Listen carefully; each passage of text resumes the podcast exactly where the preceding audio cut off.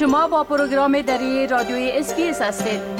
گزارشات عالی را در sbs.com.au دری پیدا کنید.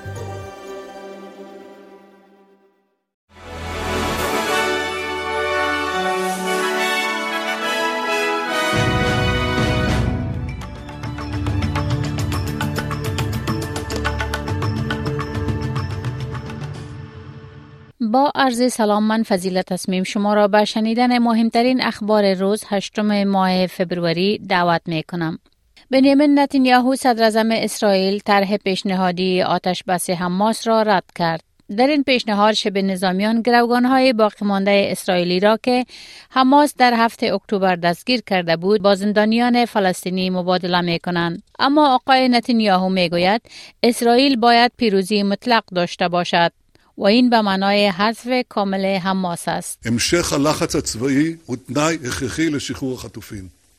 The continuation of the military pressure is a necessary condition for the release of the hostages. Surrendering to Hamas's delusional demands that we heard now not only won't lead to freeing the captives, it will just invite another massacre.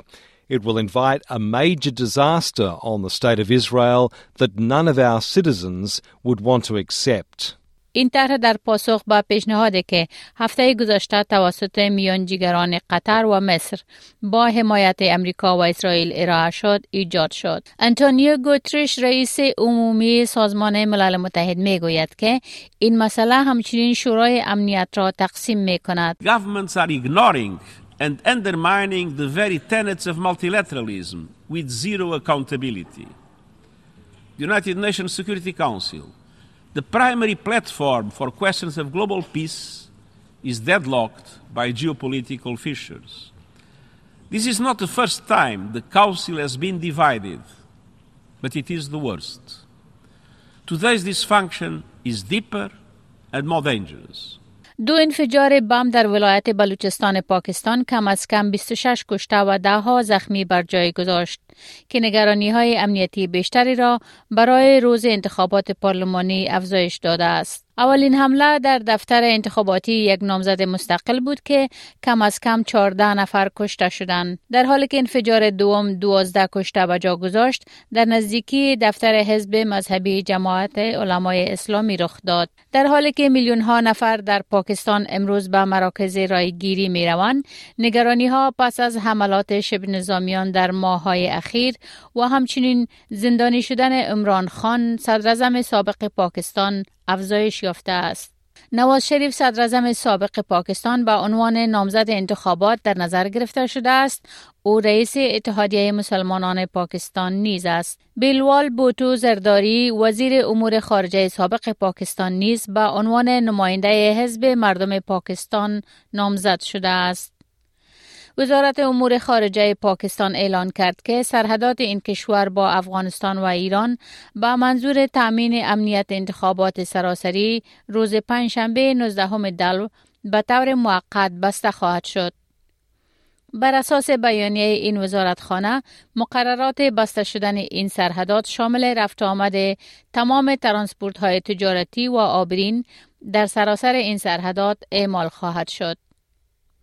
وزارت خارجه پاکستان افزود که این سرحدات روز جمعه 20 دل بازگشایی خواهد شد. انتخابات پارلمانی پاکستان امروز پنجشنبه برگزار می شود. مسئول امور بشر دوستانه سازمان ملل متحد می گوید کم از کم 25 میلیون نفر در سودان به دلیل جنگ داخلی این کشور به کمک فوری نیاز دارند. سازمان ملل متحد درخواسته 6.2 میلیارد دلار برای تامین مالی عملیات در کشور و کشورهای همسایه که پناهندگان را در خود جای می دهند درخواست می کند. مارتین گریوید در ژنو گفت رسانه های جهانی به اندازه کافی به این درگیری توجه نمی کنند. It's been extraordinarily difficult to get media attention to Sudan and we have all in our different ways tried. We've discussed it. Among the agencies. It's very, very hard to get it on the screen, to get the suffering that we've just been seeing understood because, of course, we have all these competing crises. Gaza, we were here in this place Ukraine the other day. But I don't think there's anywhere quite so tragic today as Sudan.